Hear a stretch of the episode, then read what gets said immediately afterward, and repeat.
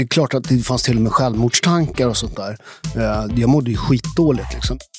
Så att det är klart att det var liksom skit liksom. Att gå från att vara så här, stjärnan till att vara liksom hatad. Sådär. Och, och, det fanns också en njutning. Man märkte från media liksom, och mycket folk i offentligheten. Det fanns också en njutning. Och så här. Det var inte bara att man sa “Titta han har gjort fel. Utan det fanns en njutning att göra ner mig. Liksom.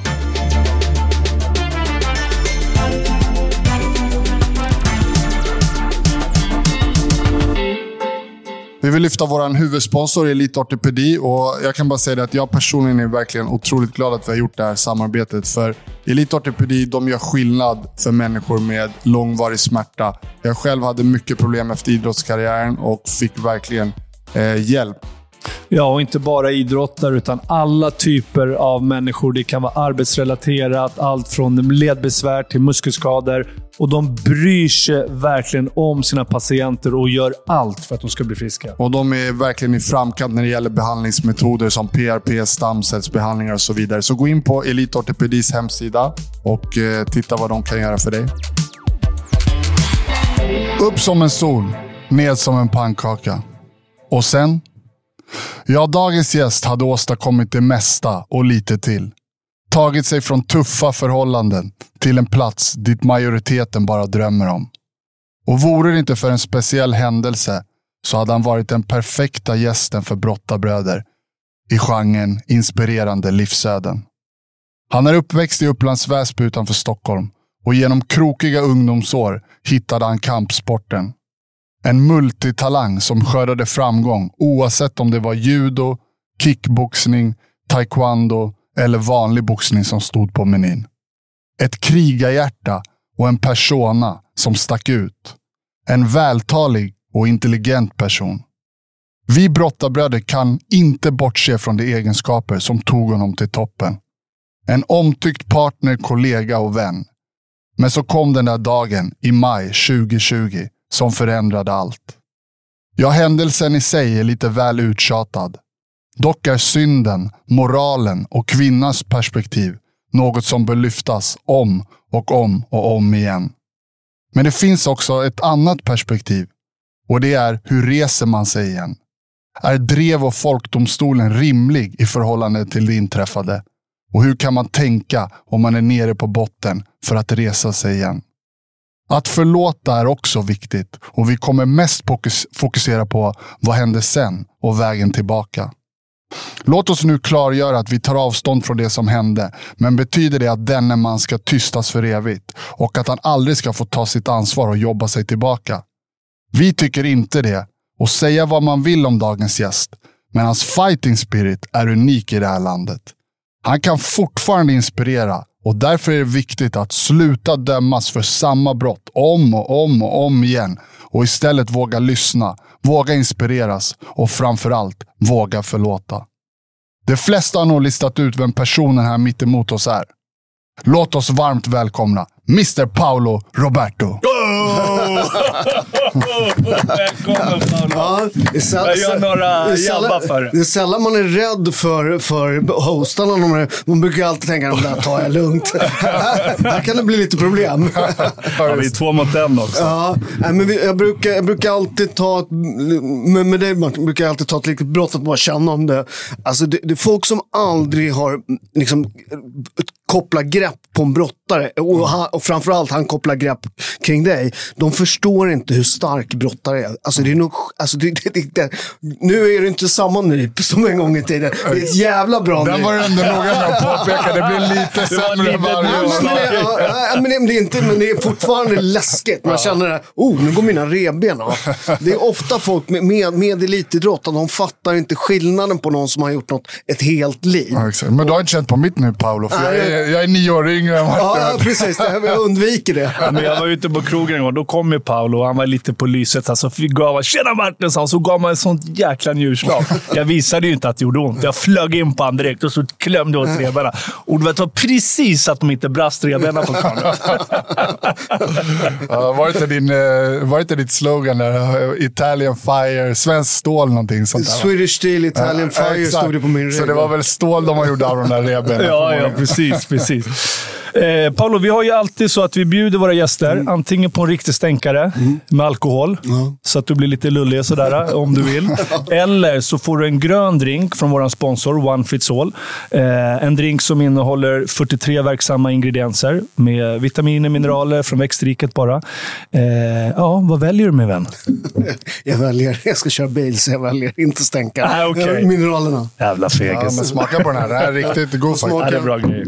Och det är väldigt Det var- lätt Är, det, är sig. den god? För ofta, ofta de där brukar man känna, nu börjar håret växa på ryggen. Nej, det är riktigt bra är den god? Ja, men Varje faktiskt- dag tar vi en. Den är nyttig. Alltså för att vara så nyttig så är den faktiskt bra smak. Och det frystorkas, så alla näringsämnen bevaras. Vilket det inte alltid gör när med, med grönsaker och det frukter som fryser ner och, och så vidare.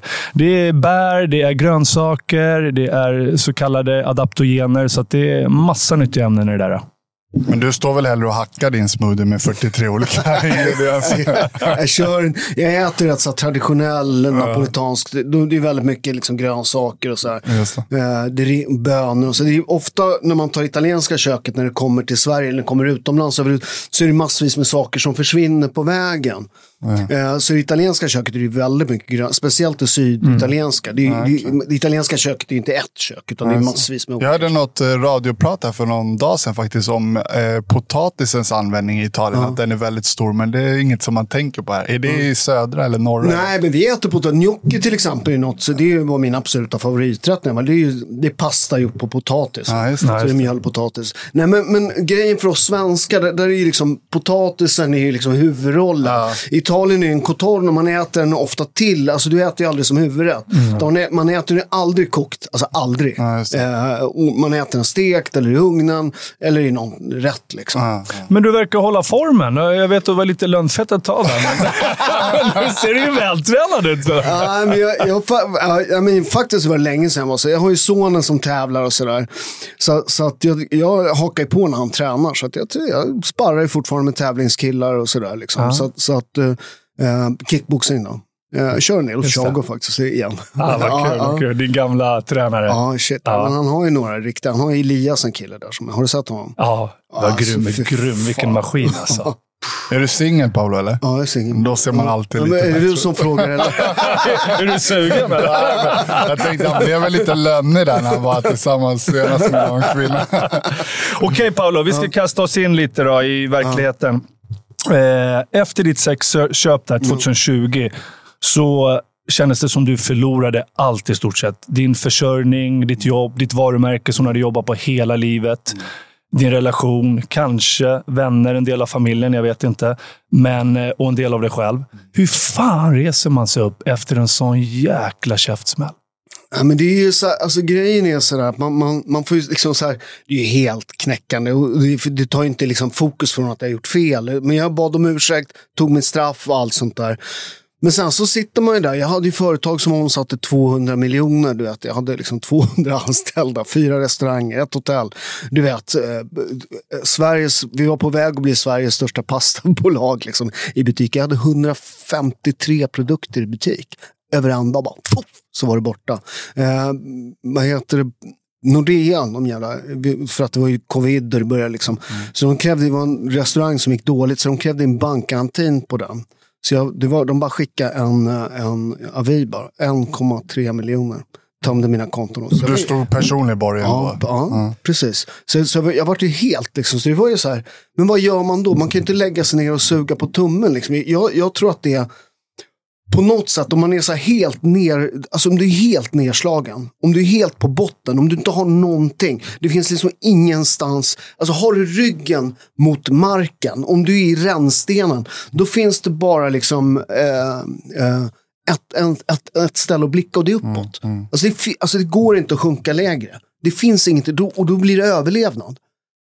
För Var mig, det så du kände? Att Ja. fasiken, nu, handlar, nu handlar det bara om att överleva? Ja, ja, men så här, hur ska jag behålla huset? Jag har barn, hur ska jag betala för dem? Liksom, det, det, det, det, då går det, inte liksom, så här, det går inte att ligga kvar och suga på tummen. Men jag tror inte vissa hade tagit till destruktiva metoder då, i, ja, när de mår så dåligt. Och stället, jag, jag är med dig och jag hade Mm. nog tänkt likadant. Men att ändå så här, var det inte nära att du liksom så här, tappade greppet helt och liksom, kollat på, jag vet inte vad, droger eller vad som helst. Liksom. Ja. Jo, men det är klart att det fanns en sån, ja, men det är klart att det fanns till och med självmordstankar och sånt där. Eh, jag mådde ju skitdåligt liksom. Min, eh, så att det är klart att det var liksom skit liksom. Att gå från att vara så här, stjärnan till att vara liksom hatad. Sådär. Och, och, det fanns också en njutning, man märkte från media liksom, och mycket folk i offentligheten. Det fanns också en njutning. Och så här. Det var inte bara att man sa att han har gjort fel, utan det fanns en njutning att göra ner mig. Liksom. Folk, mm. eh, men det var, det var, det var alltså, de, de där människorna har alltid funnits i mitt liv. Och det är inte första gången jag kraschat det. Jag var i något stort jävla slagsmål på krogen tusen år när jag fortfarande var boxare. Då vart jag av med alla sponsorer och mm, sånt där. Ja, och jag satt mm. häktad. Det var jordens jävla slagsmål. Mm. Jag var själv och slog, slogs med massa dörrvakter. Liksom. Uh, och då blev jag av med allting också. Uh, och det är lite så här, har man gjort den här resan förut, har man varit riktigt nere och så har man förstått att det går att resa sig. Mm. Uh, för varje gång man reser sig så blir man lite starkare.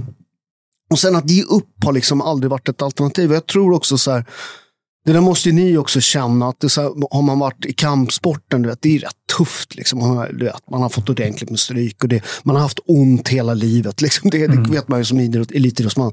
Det gör ju ont hela tiden. Det finns inte någon ställe det inte gör ont på kroppen under hela ens karriär. Men eh, ta oss tillbaka ja. till den här dagen när du ja. vaknar upp. Var ja. börjar man någonstans då? När du satt där på sängkanten ja. dagen efter? Liksom. Hur såg en dag ut och hur gick tankarna när det ja, var som lö, lö, Löpskorna på. Det var första jag gjorde. Alltså, jag vaknade dagen efter så bara, ja, nu kör jag.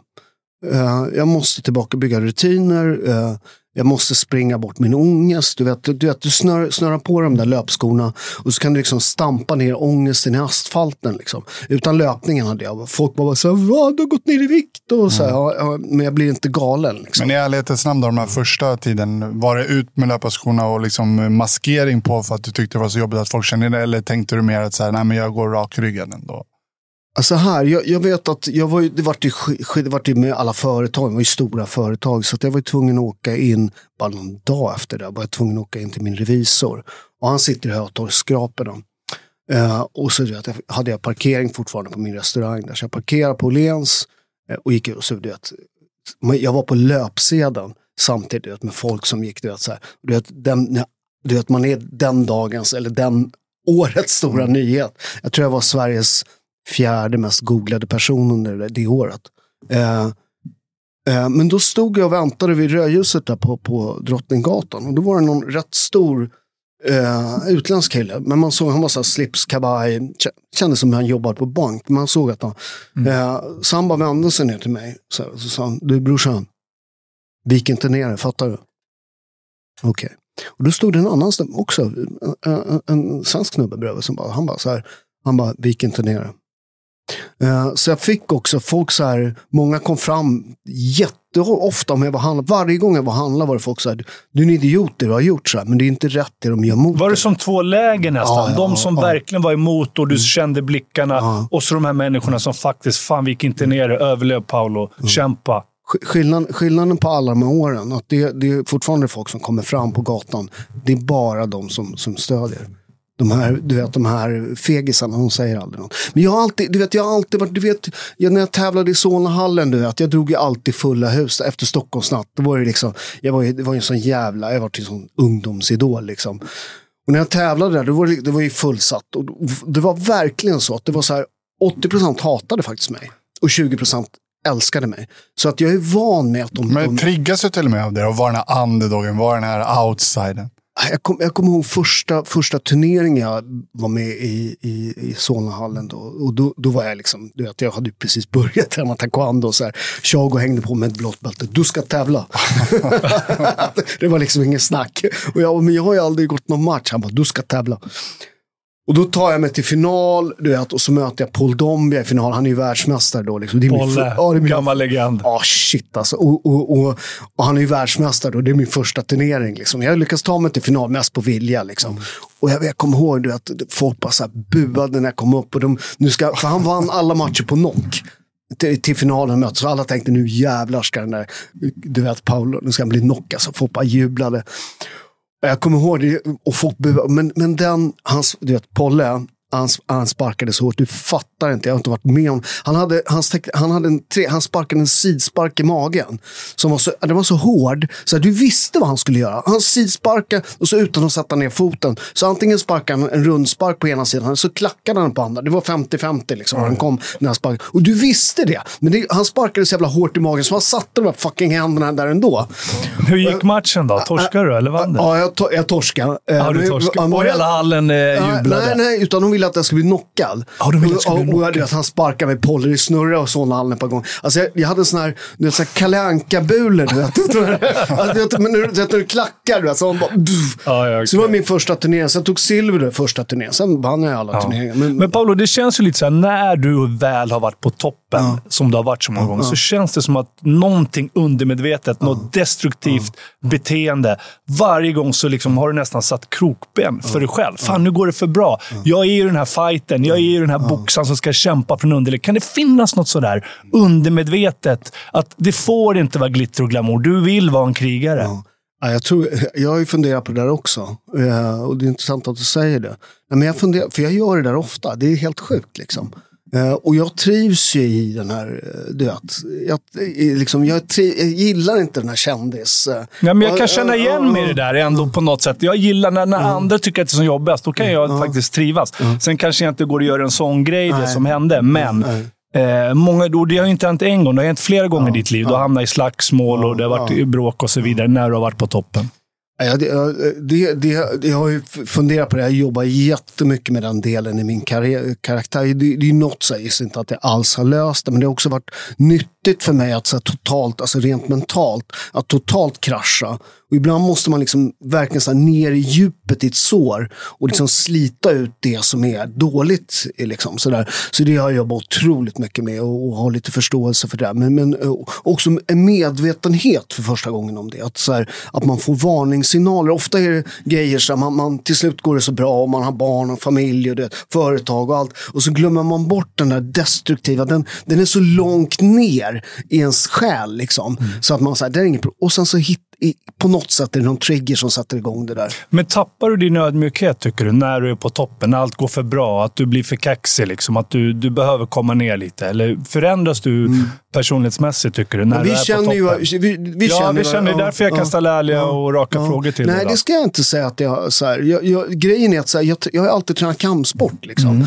Och för mig är det, just den här kampsportsgrejen är, är för mig är det det som är den stora värdet. Alltså, du kan du kan tjäna hur mycket pengar du vill och ha hur mycket företag som helst. Det är jättekul.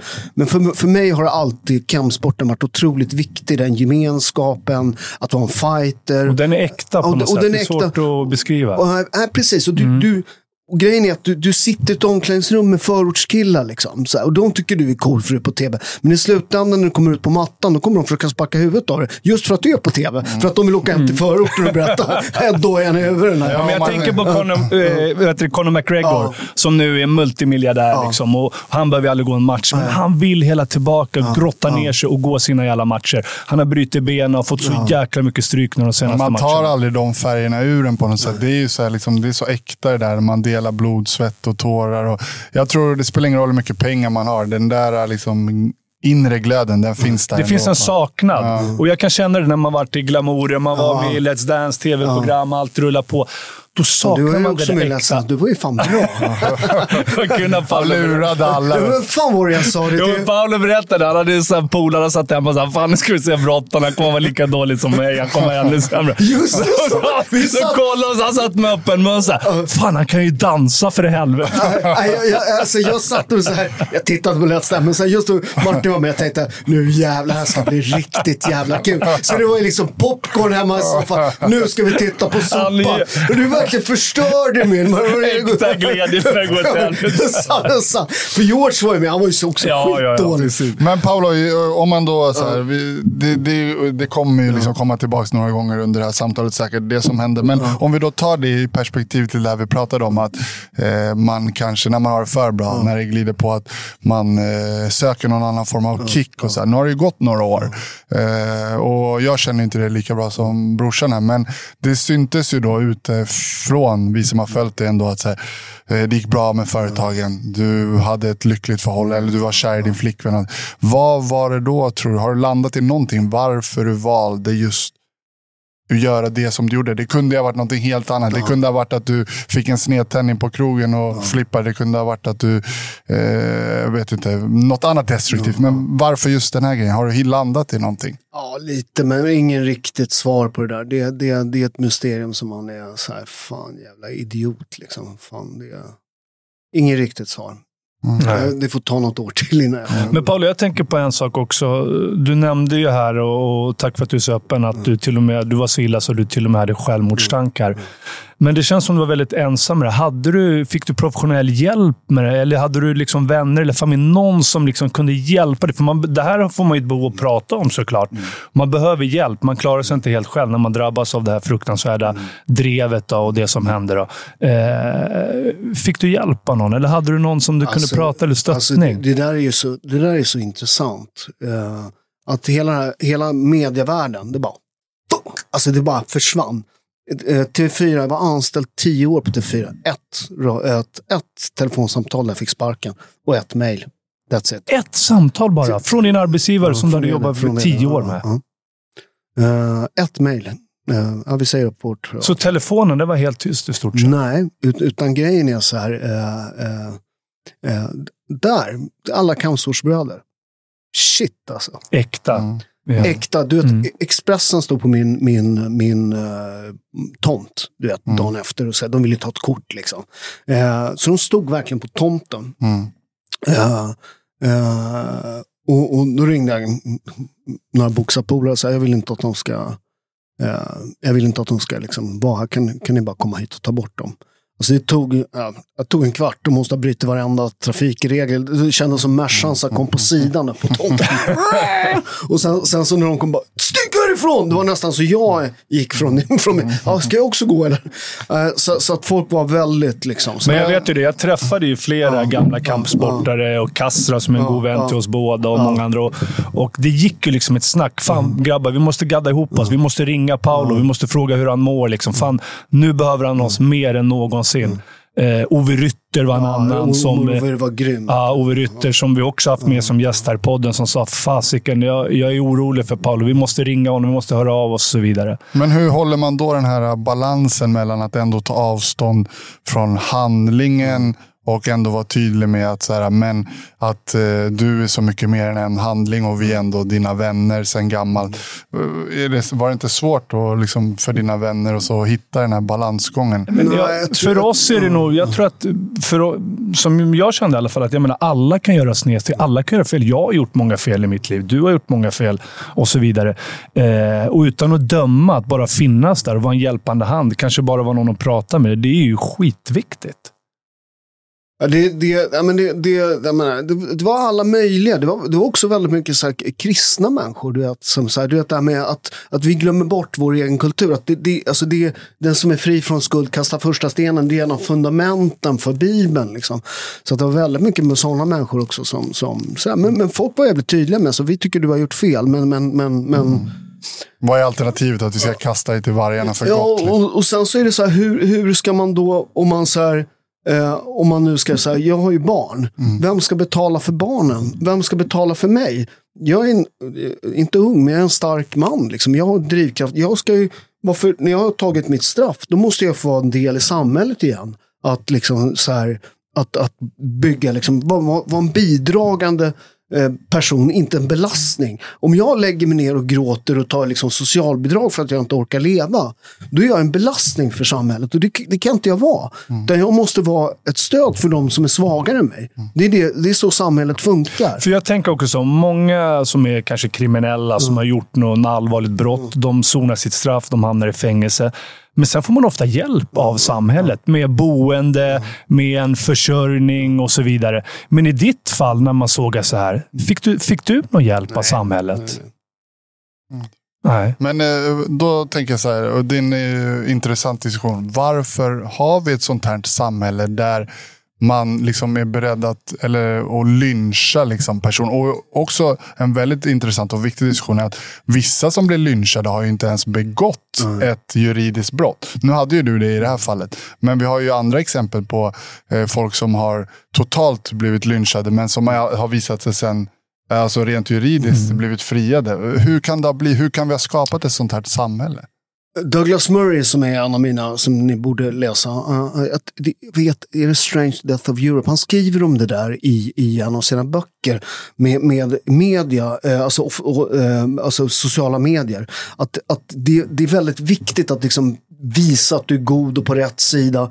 Och då är man jävligt snabb på att döma folk för att det skapar likes, det skapas, du, du vet, man skapar en gemenskap. det är ju den här du vet när folk skulle bli lynchade, att man liksom, du vet, man får gå den här liksom vägen till liksom galgen och folk kastar liksom. Det finns en njutning. Det finns en gemenskap och njutning, njutning i att okay. göra ner människor. Men, men i och med att du gör det, när du inte lämnar liksom en öppning till förlåtelse, du bygger ett samhälle för man vet själv, för att många av de här som varit jävligt hårt, hårda att döma, det visar sig att de också har en del smutsig, du vet, med, med bidrag. Och det har ju visat sig många på vänsterkanten att de har en del, del liksom skit, smutsig tvätt som de inte har. Mm. Eh, eh, när man är så hård i sitt dömande så målar man också in sig i en ruta, liksom en hörna. Så man känner att man har, då måste, och då blir man ännu hårdare. Det blir ännu, du vet. Men kan det ha funnits en njutning just? Jag tänker, du har ju haft starka reaktioner mot feminister, ja. vänsterkanten och så vidare. du är väldigt macho, ja, så har du varit ja. ute. Och så kan det varit så att, fasiken, nu jävlar har vi en chans att trycka dit den här jäveln ordentligt och ge tillbaka. Kan det ha varit sådana reaktioner också? Jag har ju varit i debatt med alla de där från Gudrun Schyman. Jag har inte förlorat en enda debatt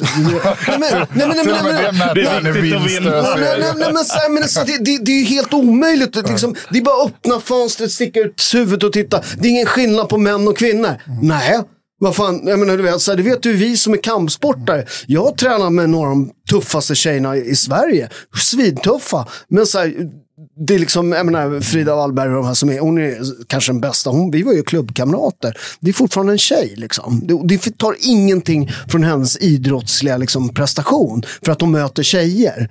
Men, men, det blir skillnad, det är skillnad på män och kvinnor. Mm. Vi har 30% mer muskler och så vidare. Och så vidare. Jag menar, och det här med barn. menar, titta, vem tror du är bäst att passa ett, eh, ett spädbarn? Eh, den som bär med sig utrustningen. Brösten. Brösten. Ja. Eh, och det är bara att titta. Eh, jag tror att i Sverige så har vi väldigt mycket, jag tror att vi är topp i världen på att vi har skador på småbarn. Uh, och det där är för att, uh, och det här, de får komma skitförbannade, men det här stämmer, det är bara att kolla upp. Uh, det är för att män är hemma väl, när de är väldigt små och vi har, bildar, har inte, bildar inte lika mycket oxytocin. Det vill säga omsorgshormon. Ja, omsorgshormon, ja, men, och skyddhormon mm. är det också, det är också må bra. Du vet, och kvinnor de bildar det direkt genetiskt när, när de börjar amma. Ja, ja, men för att det är väldigt viktigt att du ska, du vet, mm. en liten spädbarn, är, och det är inte för att män är sämre. Vi kan vara bra. Ja, men det, och det, det är så med allting om man är medveten om det som pappa så går det bra. Mm. Eh, sådär. Men, men det fin- de har genet... Och sen säger jag inte att folk får bestämma själva hur de vill mm, göra. Såklart. Men ingen ska bestämma hur jag ska göra. Och det här med att eh, någon ska bestämma att eh, könsrollerna ska raderas ut, att eh, könen ska raderas ut. Och mm. Vem har bestämt det? Alltså, jag menar, det är som du säger, det finns vissa genetiska skillnader mm. och de eh, är bara där. Så, så är det bara. Men, men jag, jag tänker men, på en... men, men, får jag bara säga så här, ja. vad folk inte förstår, det kallas normalfördelningskurva kurvan. Mm. Ofta har de säger så här, jag, jag, jag har en tjej som spöar de flesta. Ja, ni har säkert haft någon brottartjej som är tuffare än de flesta killar, om du tar en vanlig kille. Men hon är ju ute på, alltså man, hon är ute på extremen mm. ofta och har rätt mycket liksom, mm. manliga attribut och är en jävligt tuff brud. Och det finns de här, de ritar som två månader, så den stora gruppen män är här, stora gruppen kvinnor är här. Och Tittar man till exempel våldsamhet, då är det ungefär 60-40 skillnaden. Att män är 60, eh, alltså 60-40. Mm. Det, det, är ingen stor skillnad på, jätteskillnad, det är en skillnad på våldsamhet. Men tittar du ute på extremen, de, de liksom 100 mest våldsamma människorna i Sverige, det är 100% män. Mm. Mm. Så att på normalfördelningskurvan blir det också skillnad. Såklart. Mm. Men eh, Paolo, då tänker jag när vi har ditt perspektiv här och du är ju liksom mannen och mm. i det här mm. fallet har vi en kvinnas perspektiv på det som händer. Men nu ska vi fråga om ditt perspektiv. Tror du att det hade varit att du hade blivit dömd på samma sätt om du hade varit motsvarande kvinnliga könet i en sån här situation? Eller döms, kan man generalisera så? Döms män hårdare? Nu har vi pratat lite om din persona. Mm. Du, var, du, du bröstade upp ganska mycket och du var den här tuffa. Då är det lite... Men det, är- det är lite så här, sticker man ut hakan får man också. Ja, men Alltså, exakt. det- det- men också- finns det något generellt med hur vi i den här folkdomstolen och mediadrev och så gör skillnad på män och kvinnor? Jag har inte själv något svar på det, men det är en intressant frågeställning. Ja, jag har faktiskt inte tänkt på det. Men, men det, är bara, det är bara att fundera på om det har varit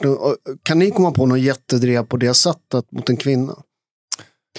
Lotta Bromé hamnade ju lite Ja, grann i drevet ja, ja. där under metoo, men eh, nej, det är få. Nej, och det var inte alls på samma Nej. sätt. Och, hon är, och, och tittar du på, vad hette han, eh, han som var eh, han chefen för Stadsteatern.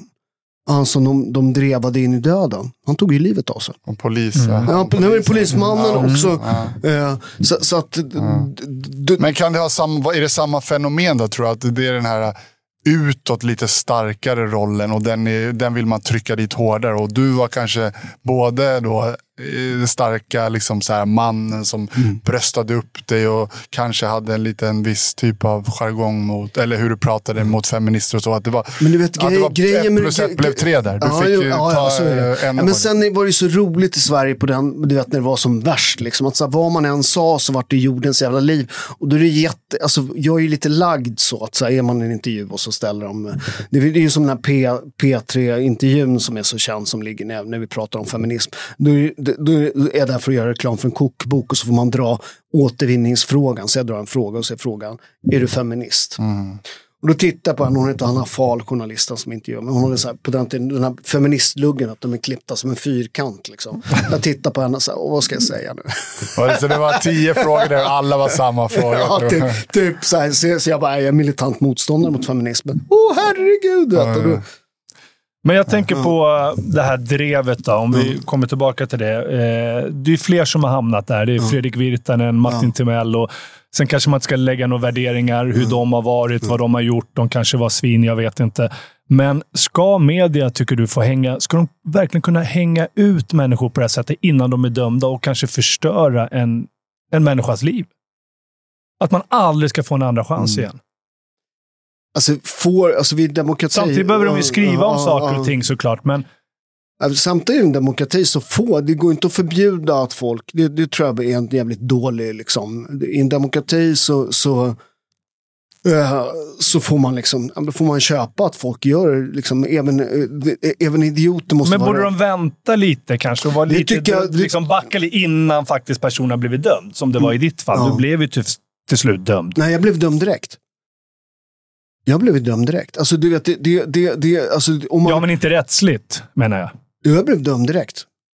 Vad, vad heter grejen är så här, du vet, Aha, äh, sexköp är, det är, det är som fortkörning. Om du, an, an, det, om du, om du erkänner på plats, det är ingen rättegång. Okej. Så jag erkänner på plats, ja. Jag, och så blir det böter. Ja, ja, ja. Det okej. är ett bötesbrott. Ja. Men vad tycker du är det. rimligt då? För att eh, eh, du, hur hade du velat att det skulle vara? För att du har ju ändå den här kvinnan där Mm. och vi vet ju alla att det är många kvinnor i den här branschen som är dittvingade och många som mår väldigt dåligt och du utnyttjade liksom den här ställningen. Men vad tycker du själv hade varit ett rimligt straff? Då? Nu pratar jag om både juridiskt och även liksom det här mediala straffet. Nej, men jag, alltså, jag, jag har ingen riktig åsikt om det. Och sen, så, sen är det med media, så här, det, det får också folk, man måste också förstå att när man är, konsumerar media, när man klickar på grejer, eh, så bidrar man till att saker och ting blir större. Eh, så så att det är, det- man, jag tycker man har ett litet ansvar också som, som, som konsument av media. Att inte klicka på grejer. För att speciellt de här Aftonbladet och Expressen och de här, eh, de, de lever ju på klicken nu. Så att de, du vet, och, och ju mer du klickar, det är därför det fortsatte för mig för evigt, för folk var intresserade. Va? Eh, det var tillräckligt intressant. Och klickar du på det så bidrar du på ekonomin som skapar det här drevet ännu värre. Och då skrivs det mycket och då är det folk som, som liksom på nätet också vill bygga sin karriär genom att göra ner andra människor. Det finns människor som tror att deras ljus kommer blåsa starkare för att de blåser ut någon annans ljus. Men, Men det finns, ju, det finns ju många andra kända personer Ja. som har gjort samma brott som Ja, du har ja, gjort. Och ganska nyligen var det en väldigt känd person Mm. som gjorde samma sak, Mm. men där inte alls har fått Mm. samma uppmärksamhet. Mm. Undrar varför. Hur kommer det sig? Vad tror du? Ja, det vet alla. Det är ju en mäktig mediafamilj. Ja, okej. Man vill inte göra sig ovän med dem. Så det är lite som med Zlatan. Man vill inte göra sig ovän med honom, för då får man inga mera... Nej, intervjuer, Nej, med, intervjuer. Med, med, med kända syskon. Ah, okej. Ja. Men det är, ju, det är egentligen ganska sjukt att man döms Mm. på olika sätt av media.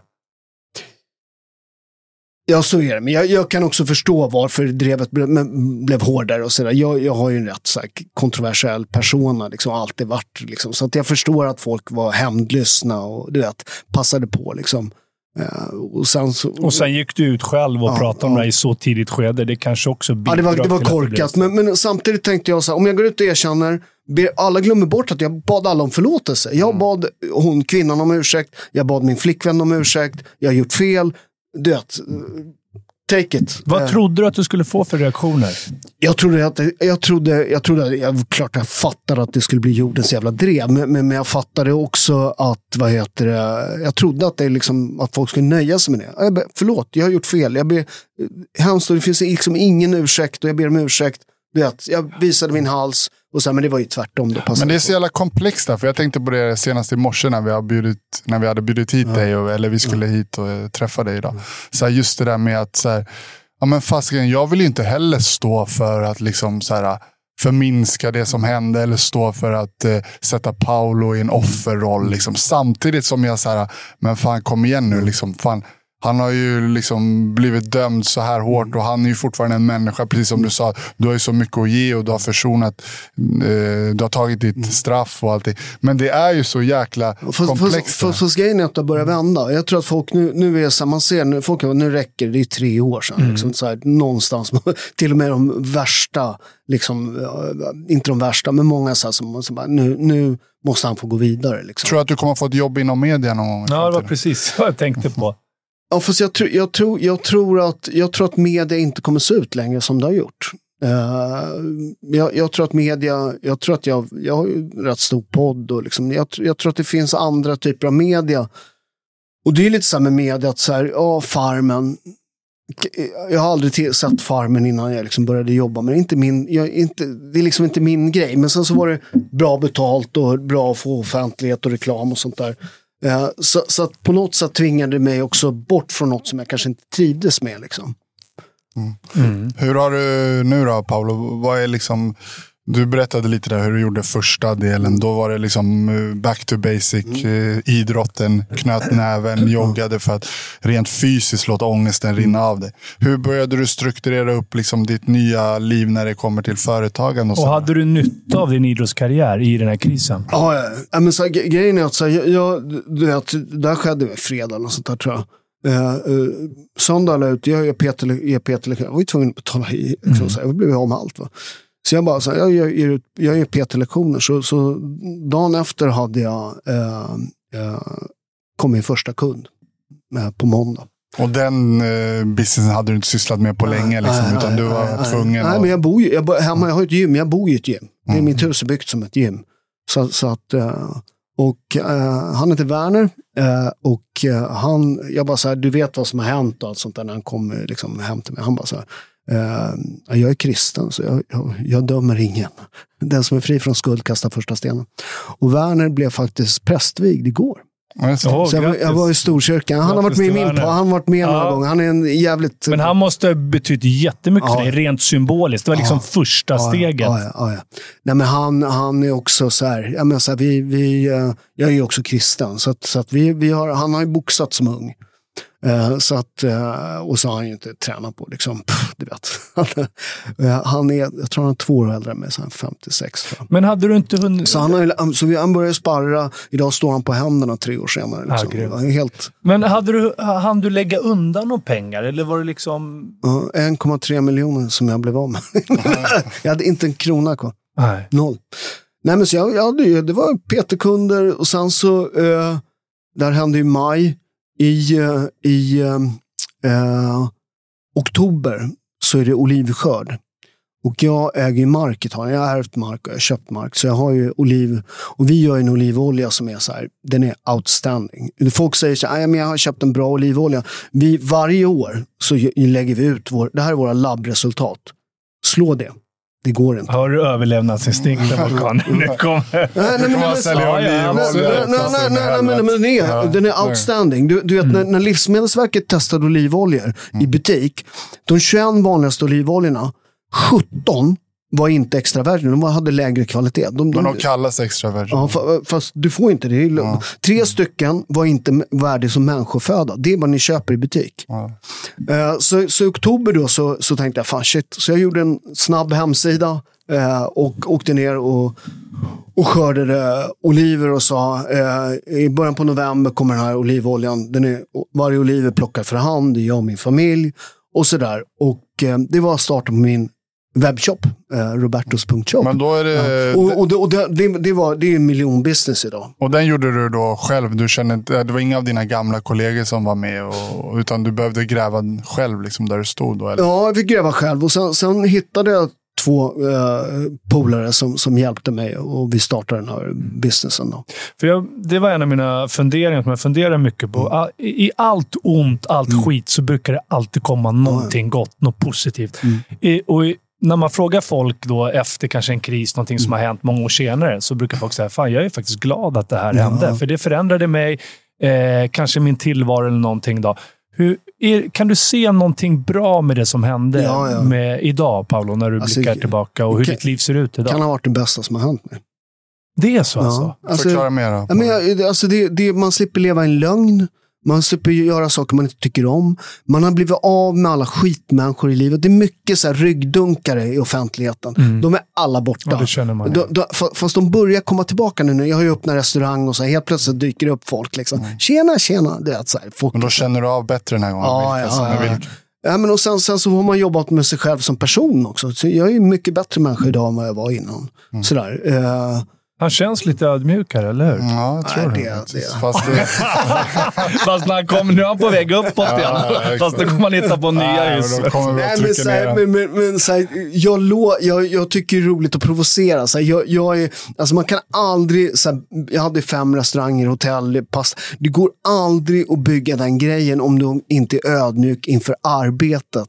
Att bygga team med anställda. Det kan du fråga alla som har jobbat för mig. Den är faktiskt äh, intressant. Jag ska bara säga det, just det där med ödmjukhet. Vad är ödmjukhet? Att, ja. okay, att vara ödmjuk inför en annan person och så vidare. Men också det som du nämnde mm. nu, att vara ödmjuk inför vad som krävs för att mm. nå sina mål. Mm. Och hur många är det egentligen? Ta Zlatan till exempel, så här, som jag jobbade lite med där.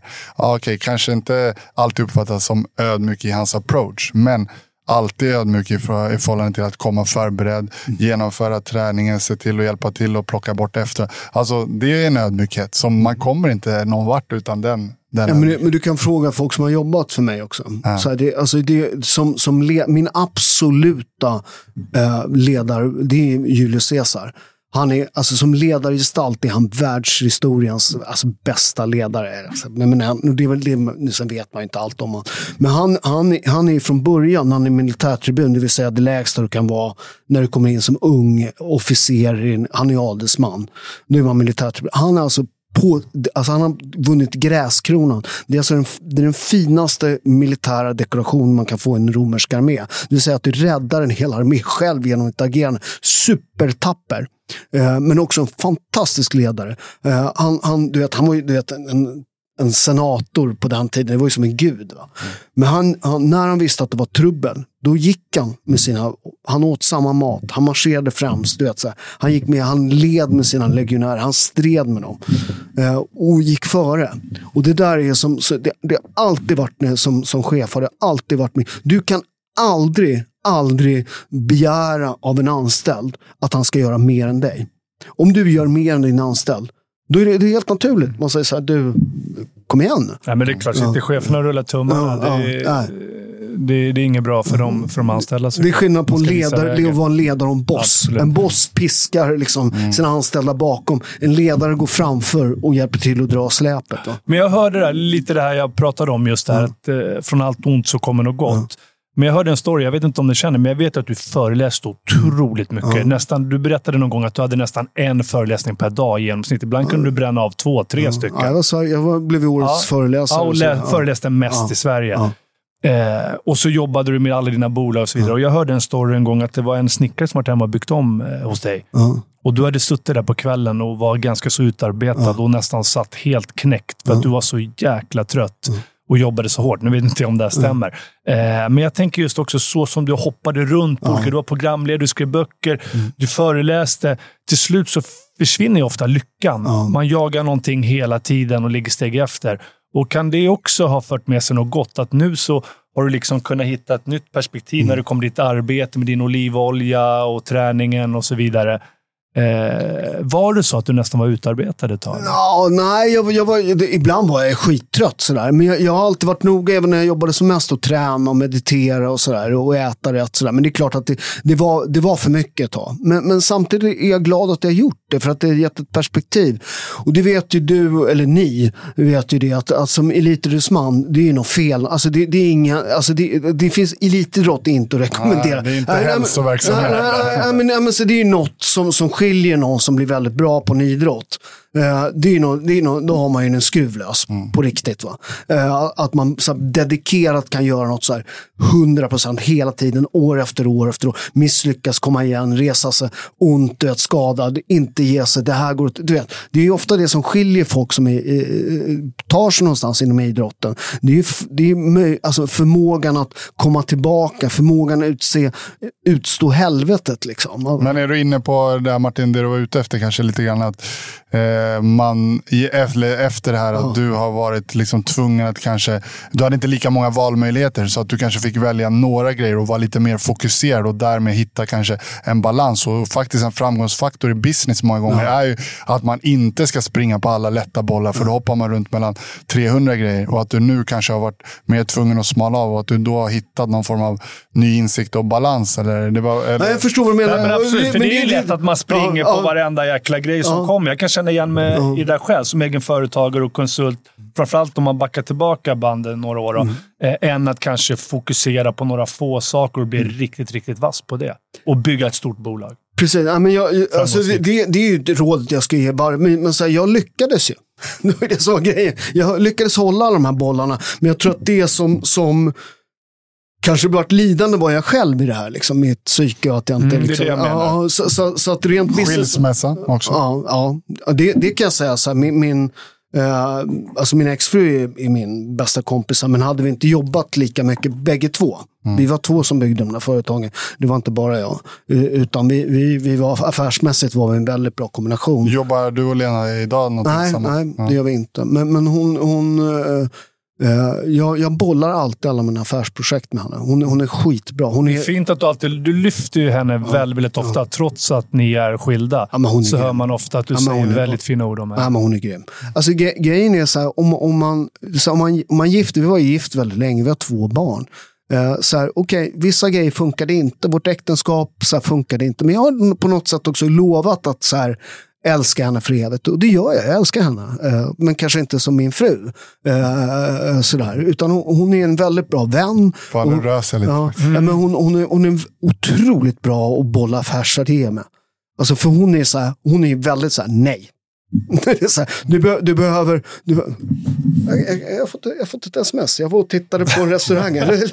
Och det känns som hon alltid vill ditt bästa. ja, ja, ja, men det är så Och här, Paolo behöver kanske en stark kvinna i sitt liv. kollade upp det och det är lite dyr hyra. Vadå, var det Lena som sa? Ja, det- Ja. Vi har tittat på en restaurang som Ja, vi ska köpa. ja, det är lite dyr hyra där.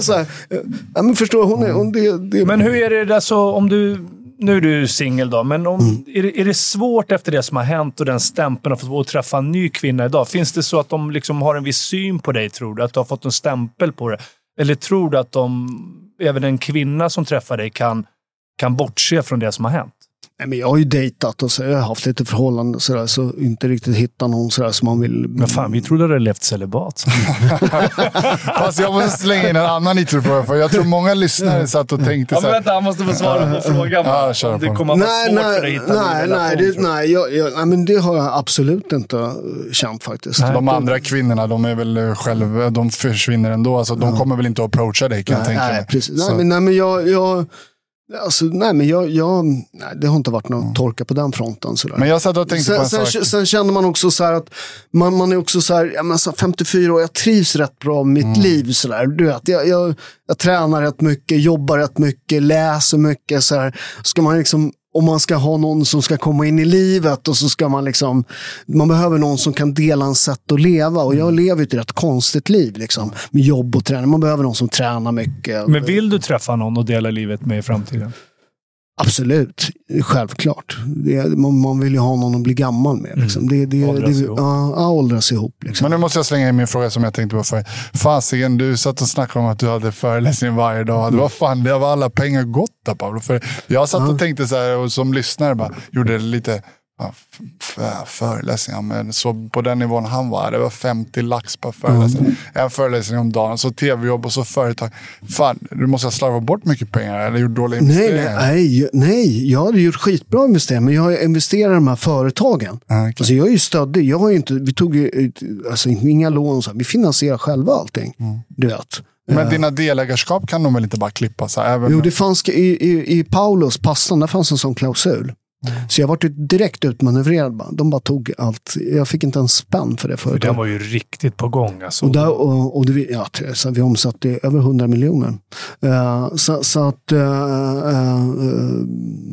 där, där vart det, de verkligen manövrerade ut mig där. Men om vi ser till... De, men men det, det försvann ju märket. De bytte så, men det gick inte alls.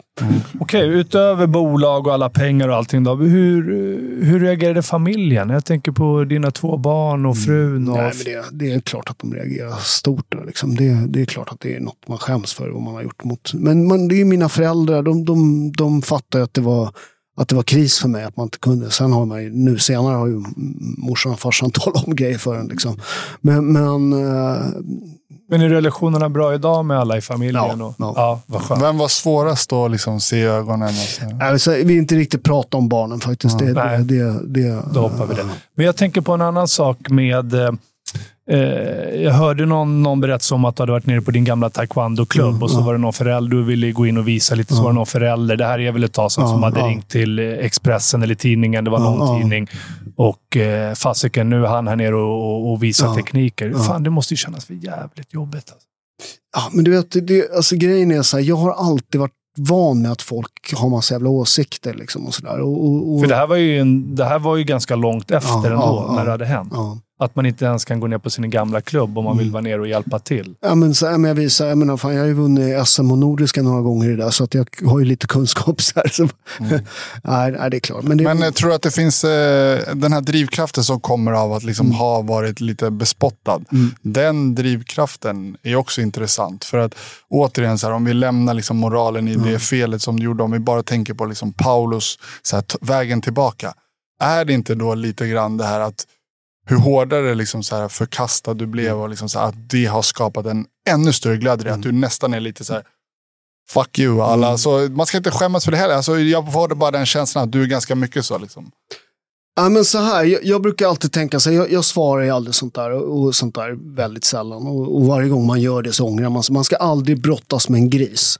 Folk som håller på med det där. Det, det är så, för grisar, du kommer bli skitig och grisar Fan, vi mötte många grisar. Ja, men, men, men grisar... vi- Skitgris. du kommer- ja, men- och Som då- vi brottades med genom Ja, åren. Precis, ja, men nu är jag på, på det sättet. Det. Men, men, men, man kommer bli skitig Mm. och grisen gillar att vara skitig, det gör inte du va? Eh, så det, det bästa sättet att, att, att hämnas Eh, sådär. Det, det, alltså, det att bli så framgångsrik att din framgång skapar en så stor skugga att de inte ens syns. Va? Så, så att det där är, ja, men säg upp, jag, jag håller på att öppna nya restauranger, webbshoppen går skitbra. Men många skäms ju av att säga det där. Just att så här, men jag drivs av att eh, nu ska de få se de jävlarna, eller så här, man är besviken på dem. Att det Eh, skapar en drivkraft och ett bränsle. Ja, exakt. Och jag tror inte man ska skämmas för det. Alltså, Mm. Det är som du säger, om det är ett positivt kanaliserande, att så här, ja, men min så kallade revansch är att jag gör någonting bra. Mm. Men sen att det liksom sticker ögonen på andra. Då, då, Jag ska komma tillbaka. Ja. Jag ska visa dem För det finns Ja, mycket men, men, glädje. men, så- men grejen är, om, om, om, om, om, du låt, om du bryr dig om vad folk tycker. Mm. Så folk så kan säga, så på Twitter så är det någon med, så med, med, med, med, med, med så här 100 följare eller så här 30 följare. Vem bryr sig om vad du säger? Bland annat du som skriver, skriver det. Vet, det där är ofta det är som att ringa upp och lägga på luren. Det är ingen som har frågat om din åsikt. Men, men så här, om du bryr dig om vad de säger, eh, då, då styr de också ditt liv. Du ger dem makt över ditt liv.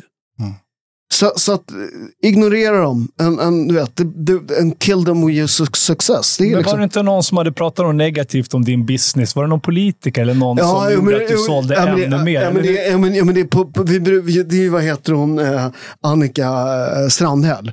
Hon skriver ju ofta rätt aggressivt. Hon är ju minister. Mot så- dig Ja, ja, ja, ja, hon har ju kallat mig värsta grejerna. Sådär.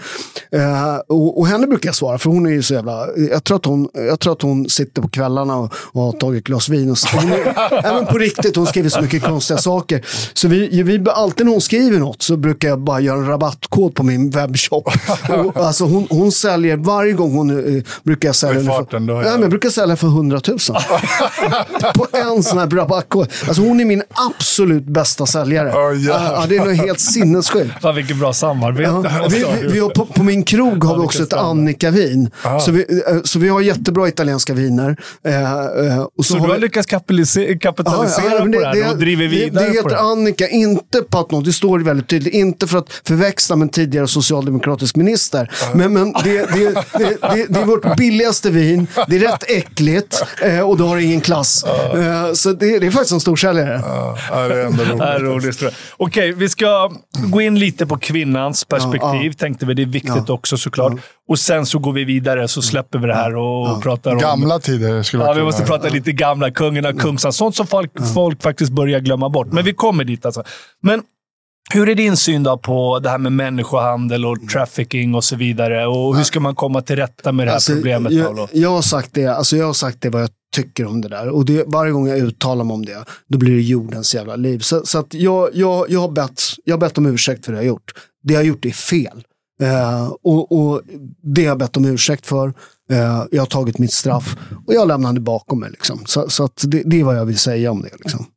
Men eh, vi ska inte pressa för, men kan det inte vara då att du någonstans också skulle kunna vara en röst för förändring i, med tanke på att har man gjort någonting och sen verkligen så här, eh, ja, men, har förstått och fått insikter om, liksom så här, och verkligen att man då också kan vara en röst för att få till förändring. Men du, du känner inte att du orkar ta den rollen eller har du gjort det? det, det, är inte min del. Liksom. Nej. Ja. Mm. Men vi får ju bjuda hit någon eh, som har jobbat i den här branschen för att höra det perspektivet. Det är som Paul säger, liksom, det är, man, man vill ju bo, veta båda delarna, men det kanske är svårt att eh, eh, kräva det eh, av dig. Men eh, det är ändå viktigt att lyfta fram det perspektivet. Man kommer inte ifrån det. Liksom. Ja, men vi respekterar det fullt ut, Paolo. Du har eh, ja, pratat om det här väldigt, väldigt Ja. mycket och jag förstår att eh, vi är väldigt, väldigt tacksamma ändå att vi framförallt har fått prata väldigt, väldigt mycket om det här med tiden efter det som hände och du har varit väldigt öppen och ärlig och så vidare.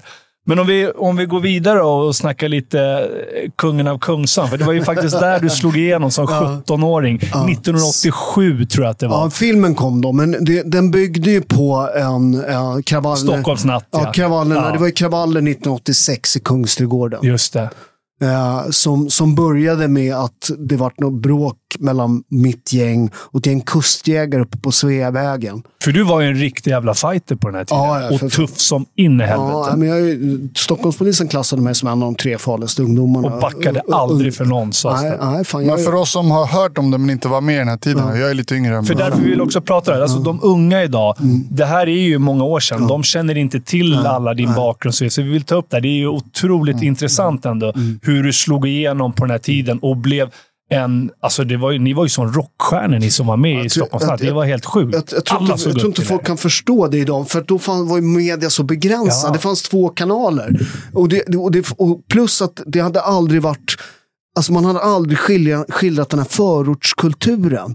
Så att det fanns en hunger av det och så helt plötsligt dök det upp folk som var, alltså man hade folk som hade invandrarbakgrund i media. Men du hade aldrig någon som hade uppfört sig som de var från förorten. Eh, så så att det, hela det började med det här slagsmålet uppe på Sveavägen mellan mitt förortsgäng. Vilket var ditt gäng där, Vi, vi var ett gäng från, från, från, från början var vi från, från Väsby. Och så började vi åka in till stan för det och där träffade vi liksom alla jävla legister. Så det var, vi träff, man träffades på somrarna i Kungsträdgården och på, på vintrarna i Plattan. Och det Och var då ju, slogs man ju mycket. Det var ju förort mot för Farsta-gänget Ja, och du hade ja, Skärholmen var ju stora ja, och det var ni från ja, Väsby. ja, vi, ja, men vi ty- Väsby tillhörde Citygänget. Så att det var ju liksom Färens och det var ju liksom värsta... Borrefark. Ja, ja, det var, vi var riktiga Jävla jävla dårar. dårar. Eh, så, så, så att... eh, eh, ja, men, så, så att det började med... Men ni som körde Oshago höll väl ihop väldigt mycket också? Alltså jag körde ju inte Nej, hos du hade inte börjat nej, där nej, Nej, okej. Utan så här. Det var det här slagsmålet som började, de, och polisen, så, det var, det var ett par civilpoliser som såg det här slagsmålet. Så de, de vågade inte ingripa utan vi var för många så de skuggade oss på vår väg ner mot Kungsträdgården. Och när vi skulle ge oss in i folkhavet där, då hade de ringt på förstärkning. Och så satte de igång och skulle gripa mig och mina polare. Men jag lyckades slå mig fri och så sprang jag in i folkhavet där. Och då var det ju polare som väntade på mig där. Så de satte i krokben för poliserna. Du vet. Och så ringde de på förstärkning och till slut så brann ju Kungsträdgården. Vi måste också förklara hur Paolo såg ut på det. Han var ju jävligt vältränad tidigt och så hade han långt lockigt hår. ja, hår och så kvar, sina bruna ögon där. Vet du. Och du, ja, du var ju en riktigt, riktigt tuff. Och jag, återigen, det, jag rörde mig själv lite i de här kretsarna, fast lite på utkanten. Då. Men ni var ju, alltså, ni var ju de stora idolerna för så många ungdomar i hela Sverige under den här tiden. Ja, ja men det, det, var, det, var jätte, det, var, det var ju superkonstigt. Utan, utan, sen efter det där, då, då hade, ju- hade vi sitter ju, jag och gänget sitter där på gamla Monark. Där det här, Thank God It's Friday, det hette Monark, det var ett fik.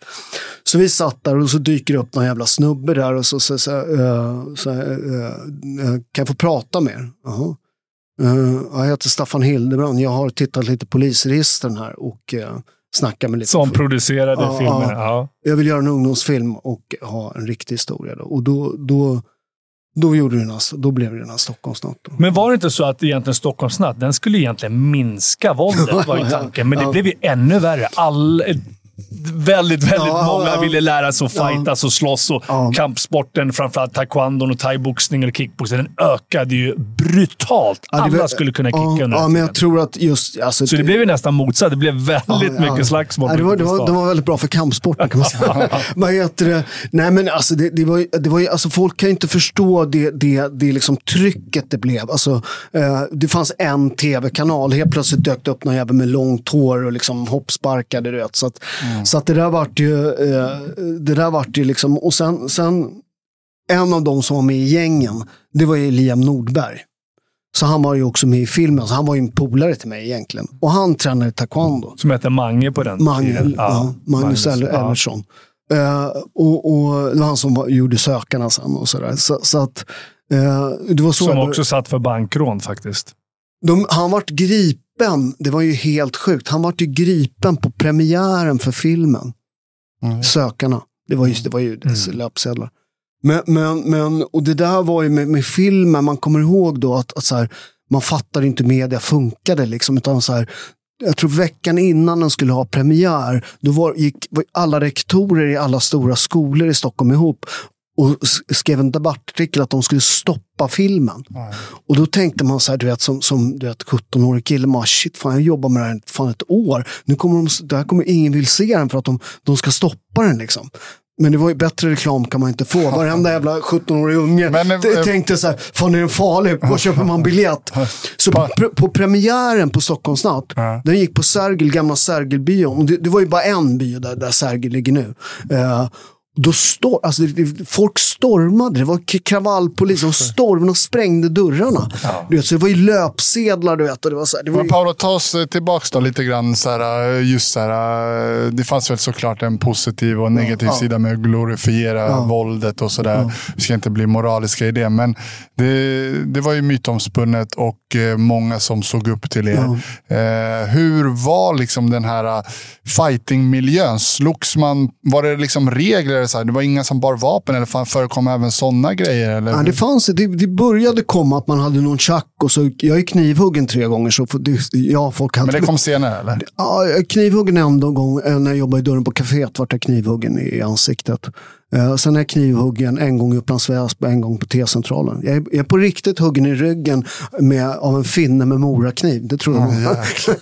Men eh, tillbaka till de här gängen då. Ja, men men, men det, det var, man slogs fortfarande rätt mycket med, med Schysstare villkor liksom.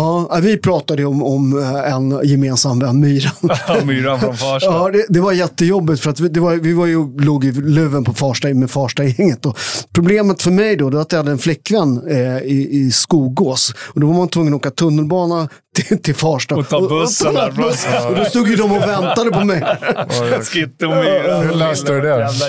Ja, jag, jag vet, jag, jag slogs med han den här myran då och lyckades eh, eh, slå ner honom. Eh, och så satt jag på honom och slog honom. Och då, då vet jag, Tobbe Dillner, Skin-Tobbe. Ja, just det, just det. Han boxade samman med mig, men vi var på, jag, på någon konsert hade jag blivit polare med honom. Tobbe. Så han, han hade kommit gående så här.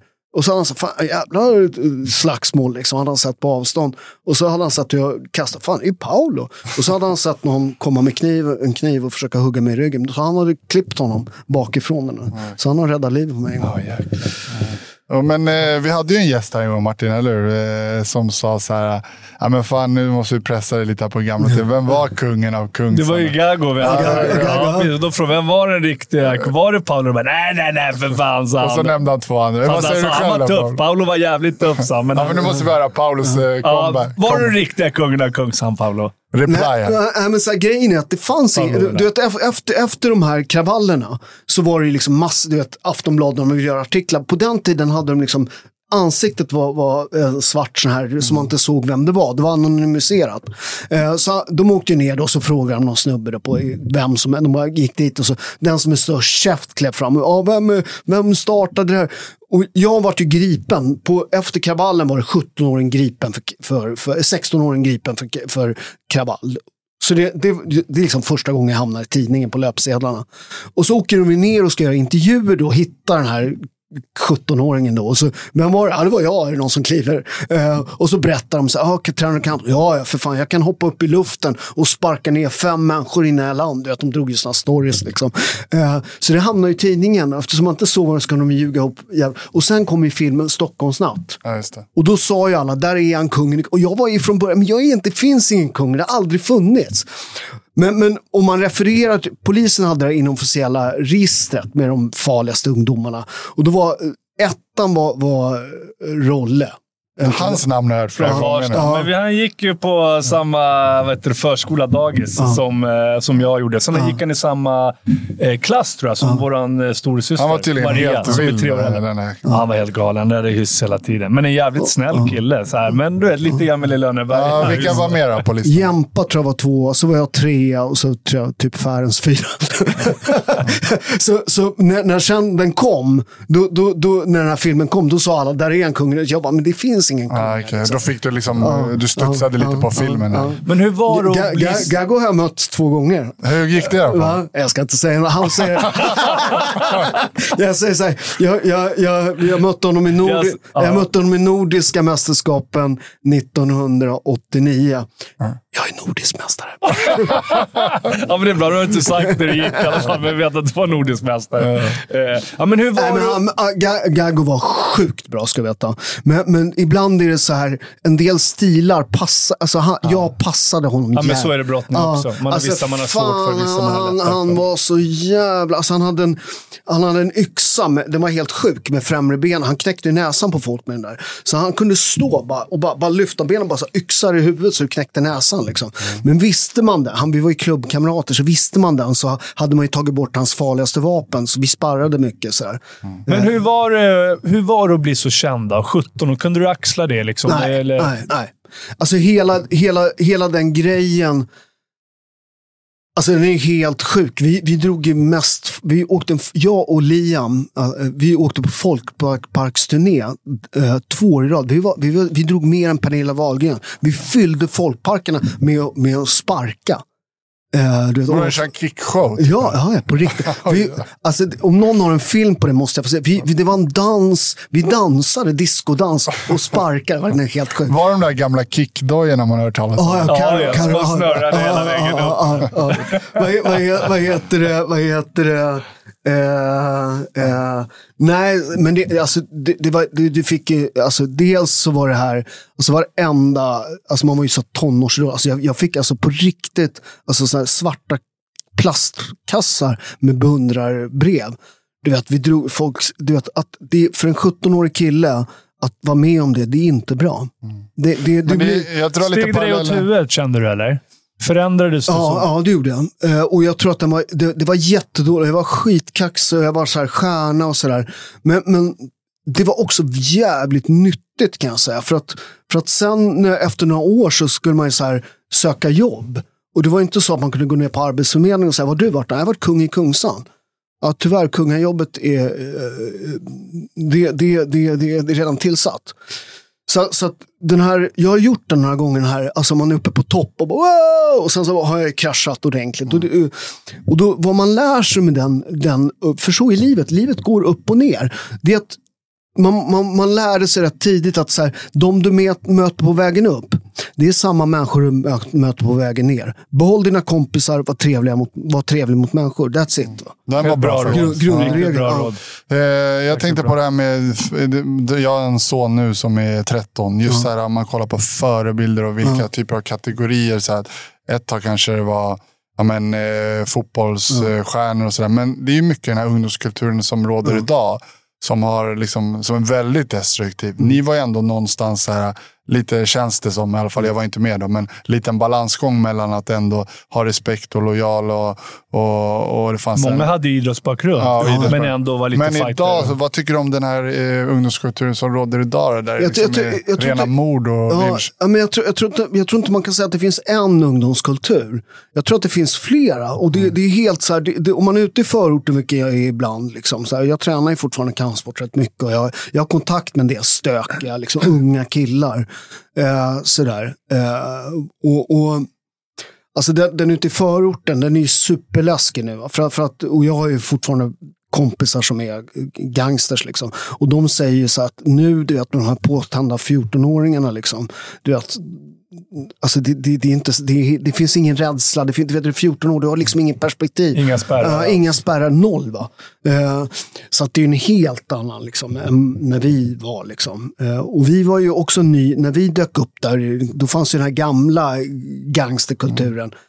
Så där var det ju första den här slitningarna. Men man känner att det är nästan den som skulle behöva komma tillbaka. Att det ändå finns en så igenkänningsfaktor. Ja. Att det inte det är inte för långt ifrån den kultur som råder nu. Ja. Det är ändå någonting som är så triggande för de här miljöerna. Ja. Men där fanns det ändå liksom mer än moral och etik. Och det. Att det har, det har gått för långt. Liksom. Som alltså du det, säger, det är självklart det finns olika men, kulturer. Men, men jag tror, om... det som är riktigt allvarligt, det är att så här, om, om till exempel de här kravallerna i Kungsträdgården, då gick ju polisen rätt hårt åt oss. Mm. Uh, så där de, de, de, de tog in tuffa tag. Liksom. Och de visade att det, det, det är eh, alltså våldsmonopolet i Sverige. Det var inte vi. Ja, exakt. Det, det, var, det, var, det var polisen som hade det. Eh, så det var en rätt tydlig indikator på att så här, fuck with us. Mm. Och it's gonna hurt. Den tror jag är livsviktig att få tillbaka. Ja, och, och, det där, och tittar man nu på den här, liksom, de står de här, alltså, folk står och skriker vår ordningsmakt i ansiktet. Va? Eh, och, och, Jag tror att när du för, för, för, samhället har förlorat våldsmonopolet i vissa områden runt om i Sverige. Eh, och när du ger det till något, ett alternativ, och jag vet exakt vad det är. För att där jag kommer från i Italien, där har, alltså jag kommer från de värsta områdena utanför Neapel. Det är de här småstäderna som ligger som kransar runt Neapel. De är ju maffiastyrda. Liksom. Eh, och när det finns en annan makt som är så här, du vet, grejen är så här att man märker nu vad som har hänt. Och det har gått jättefort i Sverige. Och jag tror inte folk förstår att ju mer folk blir rädda för de här gängen, desto mer nästlar de sig in i samhället. Och med vårt system, som ett väldigt generöst bidragssystem, så att du vet, de behöver inte ens hålla på med knark och sånt, utan de utnyttjar det svenska liksom, du vet, med, med vårdbolag och allt det där. Man har skrämt upp folk i kommuner. Du vet, för, för, du vet, vad tror du om du sitter som, som liksom social... Börjar nästla sig in i samhällsviktiga Ja, funktioner. alltså, de har slagit sina kror i samhällskroppen. Och det har dykt upp lite, lite grejer så här, men jag tror att det är mycket, mycket allvarligare än vad det är. Och, och det där måste vi lösa liksom, omgående. Annars har vi samma problematik som vi har, i, som vi har i Italien. Vad är Paulos lösning då? Eller, det finns inte en enkel, men om du skulle Alltså- lite kort. bara. Ja, men så här, det, det, det, finns ju två exempel på det där. Alltså så här, som, hur man gör det jättedåligt. Och, ofta högern är ju så här, gå in och liksom mörsa med polisen. Och det där gjorde man i Irland un, under, eh, alltså, i, eh, man, det vart massa strul då, med, mot eh, engelsmännen. Och man satte in armé, armén som gick jävligt hårt åt, åt, åt eh, irländarna. Det betydde att det var eh, liksom ett, ett, ett 18 år långt inbördeskrig. Tills man liksom, man måste göra det, man måste gå in jävligt hårt, men man måste också lämna, för det har man gjort i New York i vissa områden där man har löst så här. Att man säger så här, vi går in skithårt. Det är Sun Tzu som säger, eh, har, har ni läst den? Eh, eh, alltså världens främsta general genom tiderna. 383 eh, eh, maximer om att segra och besegra, eh, måste läsning. Men han säger så här, om, om, om, om du går in och, och attackerar med och alla vet att de kommer dö, då kommer de slåss som tio man.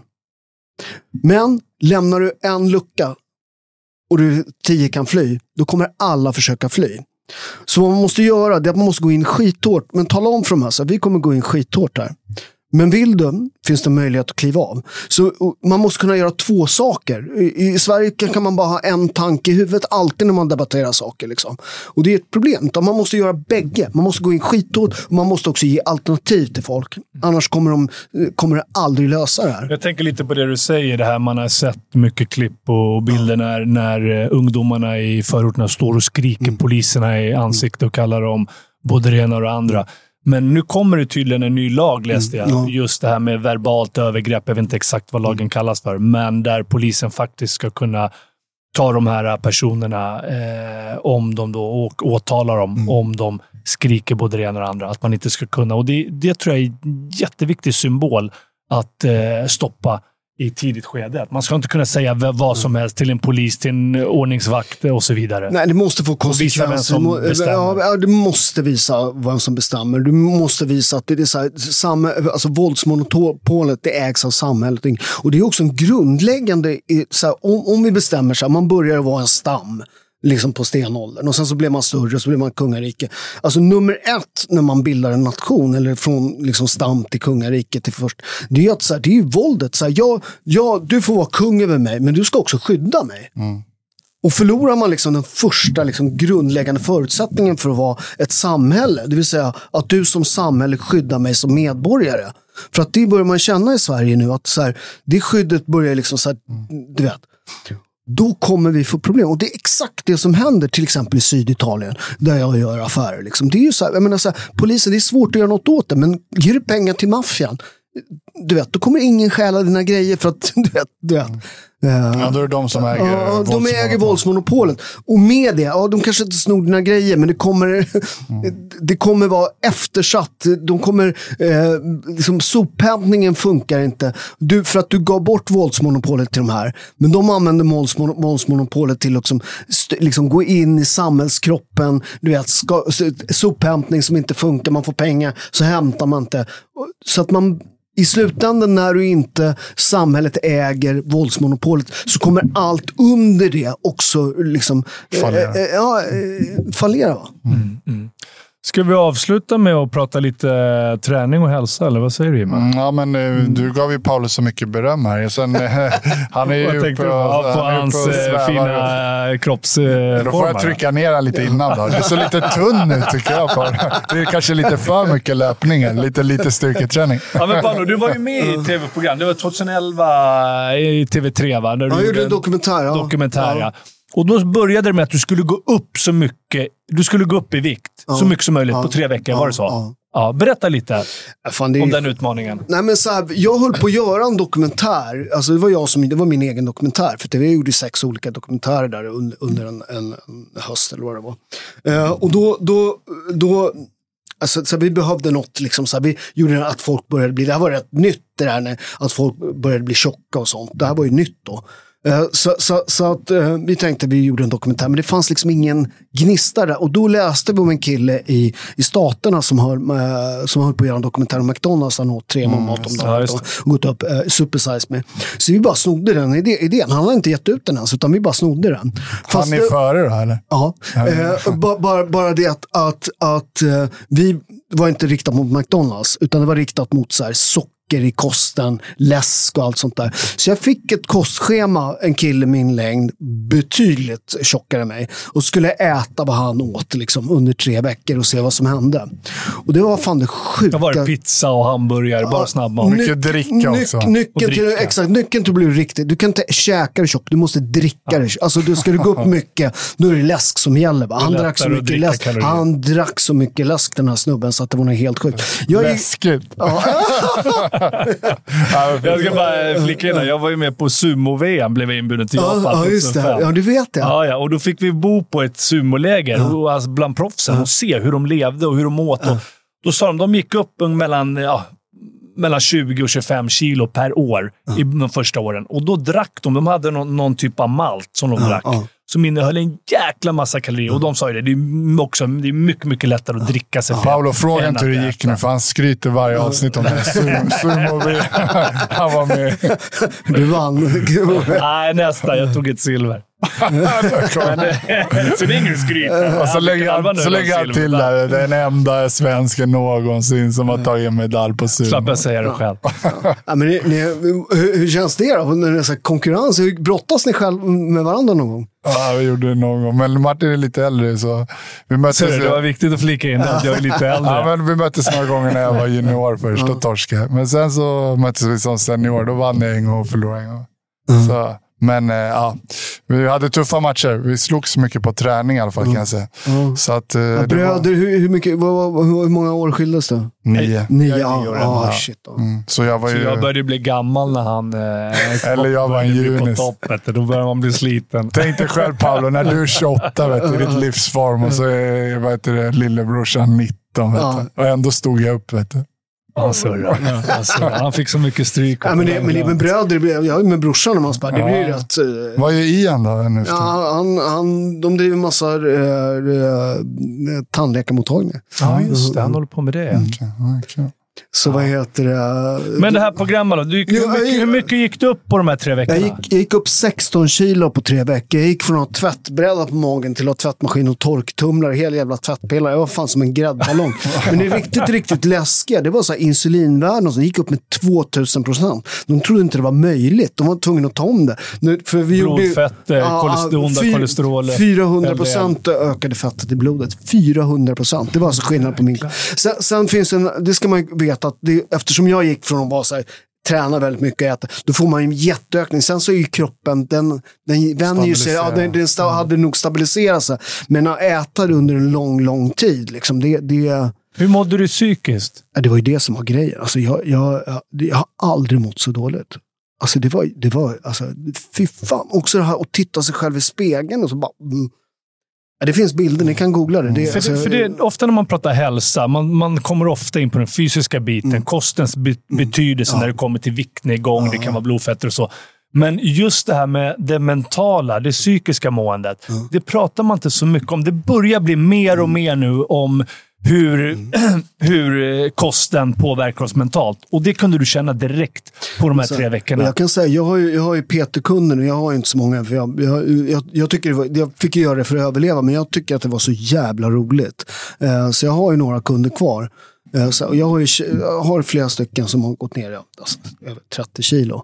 Men just vad det betyder för psyket. Alltså, folk, folk har på riktigt gått från psyk, alltså från medicin alltså, till att gå, minska ner och en del har slutat.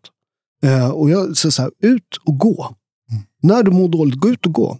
Det, det är bra för ditt huvud. Och, så, här, och, så, och det, det finns forskning på. Vi är lättare. Sen är det klart att man... om Kan man, inte läkarna ordinera träning? Eller? Jag, jag tror att det Men det är börjar- det som är problemet ibland. Man, man, eh, jag vet, det här är ju många år sedan, men då var det jag tror det var 10 000 såna gastric bypass-operationer. Och många för det visst, de går ner i vikt och så vidare, men de förändrar ju inte sitt eh, Nej, psykiska nej, nej. mående när de inte kan göra resan själv. En del måste ju opereras, Ja, ja. de har inget an, annat alternativ. Men att kunna göra resan på egen hand, som väldigt många skulle kunna klara av, och få Mm. den expertisen eller hjälpen, det, där har man ju en mycket, mycket större effekt och framförallt på det, det psykiska målet. Men det ska man ha, ha, ha förståelse för. att det är för många, man, man, Innan jag började jobba med kunder så var man så här, sluta och gnälla, sluta käka bulle och gå ut och spring. Liksom. Men sen har man förstått att det är väldigt, liksom, alltså folk är att, alla säger så här, abs are made in the kitchen. Nej, inte en chans. Eh, liksom, dina, dina, dina magrutor görs upp i huvudet. Allt handlar om att förstå varför man äter. För folk äter av emotionella skäl. De äter inte för att de är hungriga. De äter för att de är trötta, de äter för att de är stressade, de äter för att de är olyckliga. De äter jämt för att döva något. Och när, när man får folk att förstå att så här, det här är anledningen till varför du är så här, ersätt du vet den här, när du känner dig lite eh, deprimerad. Fan, sätt på och de flesta kan inte springa utan de är för överviktiga. Sätt på dig skorna och gå ut och gå. Gå ut och gå. Mm. Eh, och det får enorma, och det, det, det är fan det viktigaste med träning, det är hur du mår psykiskt. Då. Det vet man ju själv, liksom. jag menar, när man mår riktigt dåligt. Fan, sätt på löpskorna. Det är den bästa drogen mot, liksom, som du säger, mot destruktiva, ja, men mot psykisk eh, ohälsa och allt sådär. Att Man får ju rent kemiskt, alltså dopaminpåslaget som om du hade tagit en kemisk drog. Så Fyra kilometer löpning eh, stimulerar exakt lika mycket serotoninproduktion som ett eh, Prozac-piller. Så fyra kilometer lö- löpning är som att äta medicin. Ja, vad säger du brorsan? Det enda vi inte har gått in på det är ju i sånt fall eh, alla gånger du blev knockad Paolo. Jag kommer ihåg de här eh, Castelli och Crunch. Nej, jag har varit lite knockad någon gång. Är det så? Ja, nej, Nej, det- men du fick jävligt mycket Ja, stryk. ja, ja. Nej, men jag, jag varit knockad i min sista, sista match. match. Ja. Nej, men det, vi har inte pr- betat av En gång, karriär. sex, 600 matcher uh, knockad en gång. Ja. Jag Ja, inte jag- Och sen Jag- börjar ju du sent med boxningen. Ja. Om man, för jag många 25. börjar ju när man är kanske 7, 8, 10 Jag år. var 25. Och Du var 25 och ändå blev så Men framgångsrik. eh, Paolo, jag tror inte, dels har vi inte tid, men det som jag ville säga bara, jag har ju följt dig lite mer på avstånd. Du är superinspirerande och gjorde en fantastisk boxningskarriär också. Och som Martin var inne på, du började ändå sent. Men sen så hade du ju några tuffa fighter också, där du tog mycket stryk. Eh, visar att du inte har en glashaka i och för sig. Men, men å andra sidan, har du bara en... Istället för att vi benar hela din boxningskarriär, alla vet att du var en fantastisk boxare, men har du något men efter eh, liksom, din proffskarriär? För det var ändå tufft, den innehöll ändå en del stryk. Ja, ja men så, nej, absolut inte. Jag har ju skrivit sex böcker efter, nej, 13 böcker. Sex kokböcker. Nej, jag, absolut. Det första man säger som händer, punch, eh, punierista dementia heter ju eh, det här punch drunk syndrome som boxare drabbas av. Du, du, kan, du, kan, du kan höra på killar om de har det. Du får en liten skräp. Det, det, det, talmotoriken är det första. Eh, och den är rätt intakt. Så, så nej, jag känner ingenting. Konstigt. Undrar varför vissa fys- drabbas och andra inte, liksom, just med den grejen. Är det Ja. Jag, slump? jag, jag, tror, jag tror att det finns lite forskning, att det finns en ärftlig komponent i det där också. Eh, man I tittar, kombination med hur mycket stryk du har fått troligtvis. Ja, ja, ja, troligtvis. Mycket slag mot ja, men om, man tittar, om du tittar på så här Jake LaMonta som, som, som eh, kanske den som har tagit mest stryk i Vad är boxningshistorien. Sherman från Bronx? Sharon Bronx, han är, han är en sann, riktig person. Det är inte bara det att han är, liksom, han möter historiens bästa boxare. Sugar Ray eh, eh, Robinson är den bästa boxaren ever. Och han vinner över honom. Sen, de möts fyra, fem gånger. Sen vinner han. Men, men han slår honom en gång. Och blir, han blir aldrig knockad. Fantastisk film. Ja, fantastiskt. Mm, verkligen. men, men, men han blev över hundra och klar i huvudet och. Så att det finns, det, det, det, det är gene- genetikens, men du kan höra, ofta är det lite de här tuffa killarna som har, de, de har inte lika mycket skador i min så här lekmannagrej. Jag, finns, jag vet att det är någon som forskar på det där, svensk. Eh, som, som det, de har inte riktigt hittat något bevis, men att det eventuellt det finns en ärftlig komponent. Men, men, men boxning är naturligtvis inte jättebra. Eh, kickboxing är bättre, rent för hjärnan. Men hur gör man efter karriären? För vi kan ju ändå brottas liksom och Ja. så här, utan att tänka kanske för mycket på det, att det ska ge långvariga skador. Mm. Men när man avslutar en så lång boxningskarriär, tänker man då på att ja, men nu får det ändå räcka? Liksom, eller kan du gå ner och sparras rätt hårt? Jag, jag sparrar ingen boxning, eh, sådär, eller väldigt sällan. Eh, jag, däremot så kickboxas jag. Jag, jag är ju svensk mästare det också. Så jag, kick- min son... Min, Fan, ni är specialister ni två på att väva in alla medaljerna. Ja, jag har ju olympisk medalj här borta på hörnet. Hörru, det är bara för att han inte har någon medalj. Han har ingen att skryta om. För fan, jag har ju många fler medaljer än Martin, men det vet ju inte så många. Nu kommer det. Från VM och OS. Sagorna. Ja, ja. nej, nej, nej, men, nej, men jag, jag, jag tycker det är faktiskt att just kickboxingen blir inte lika hårt. För att inga, alltså det som är farligt är slag mot huvudet. Det är det Just som är det. farligt. Kickboxing är det mer, och de spar, boxare sparrar ju alltid 100%. Vi sätter på större handskar och så slår vi allt vad vi har. Och det, det, det som är farligt i boxning, det är faktiskt inte matcherna.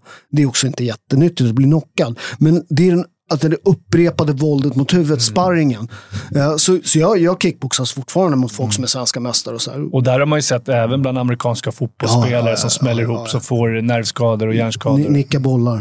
Ja, nicka bollar likaså. Ja. fotbollsspelare. Fotbollsspelare, ja. Ja, men vad bra om man eh, vill komma i kontakt och man kanske vill köpa en jäkligt god olivolja. Vad gör man då? Går man på Ica Ja, eller köper en, Coop? köper eller? en Zeta som man vill bli lurad. Vad heter det? Ro- Robertos.shop hittar man det. Robertos.shop. Ja. Och coachpaolo.se om man vill ha online-träning. Ja, okej. Coolt. Kanon. Paolo, tusen tack. Det har varit en stor, stor ära att ha dig Och, och här. restaurang har jag också. Det är bara att googla. och sen, och sen, Hörru, Han är på väg upp eh, på toppen. Och så finns, hittar den på datingsajten blablabla.com. Nej, grymt Paolo. Tusen tack och för att du eh, vågade dra ner garden idag Ja, och eh, vara så pass Men det är lite varit. extra material kvar. Det är när du ska köra rullningen på Paula. Klämma på revbenen. Ja, men den, den kan de väl se på kanalen, va? På YouTube. YouTube-kanalen. Ja, den ja precis. När han skriker som en gris. Ja. Han gillar inte att, brottas mot skitiga grisar. Var det? Men vi, klipp, vi klipper ljudpodden här, här så de får höra skriket också.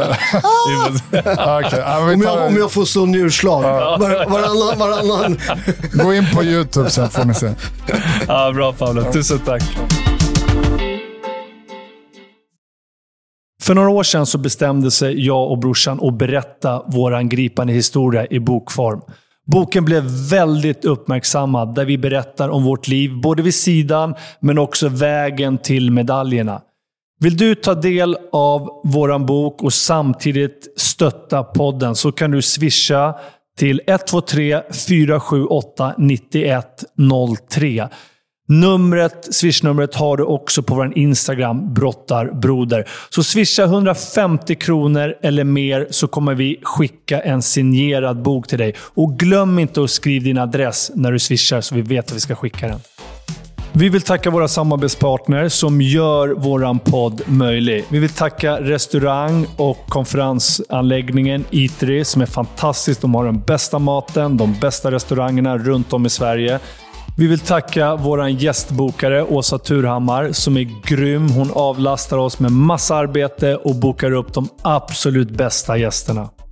Vi vill också tacka Björn Borg som har världens bästa kläder. Och sist men inte minst självklart vårt produktionsbolag Storyhood. Stort, stort tack för att ni gör denna podd möjlig.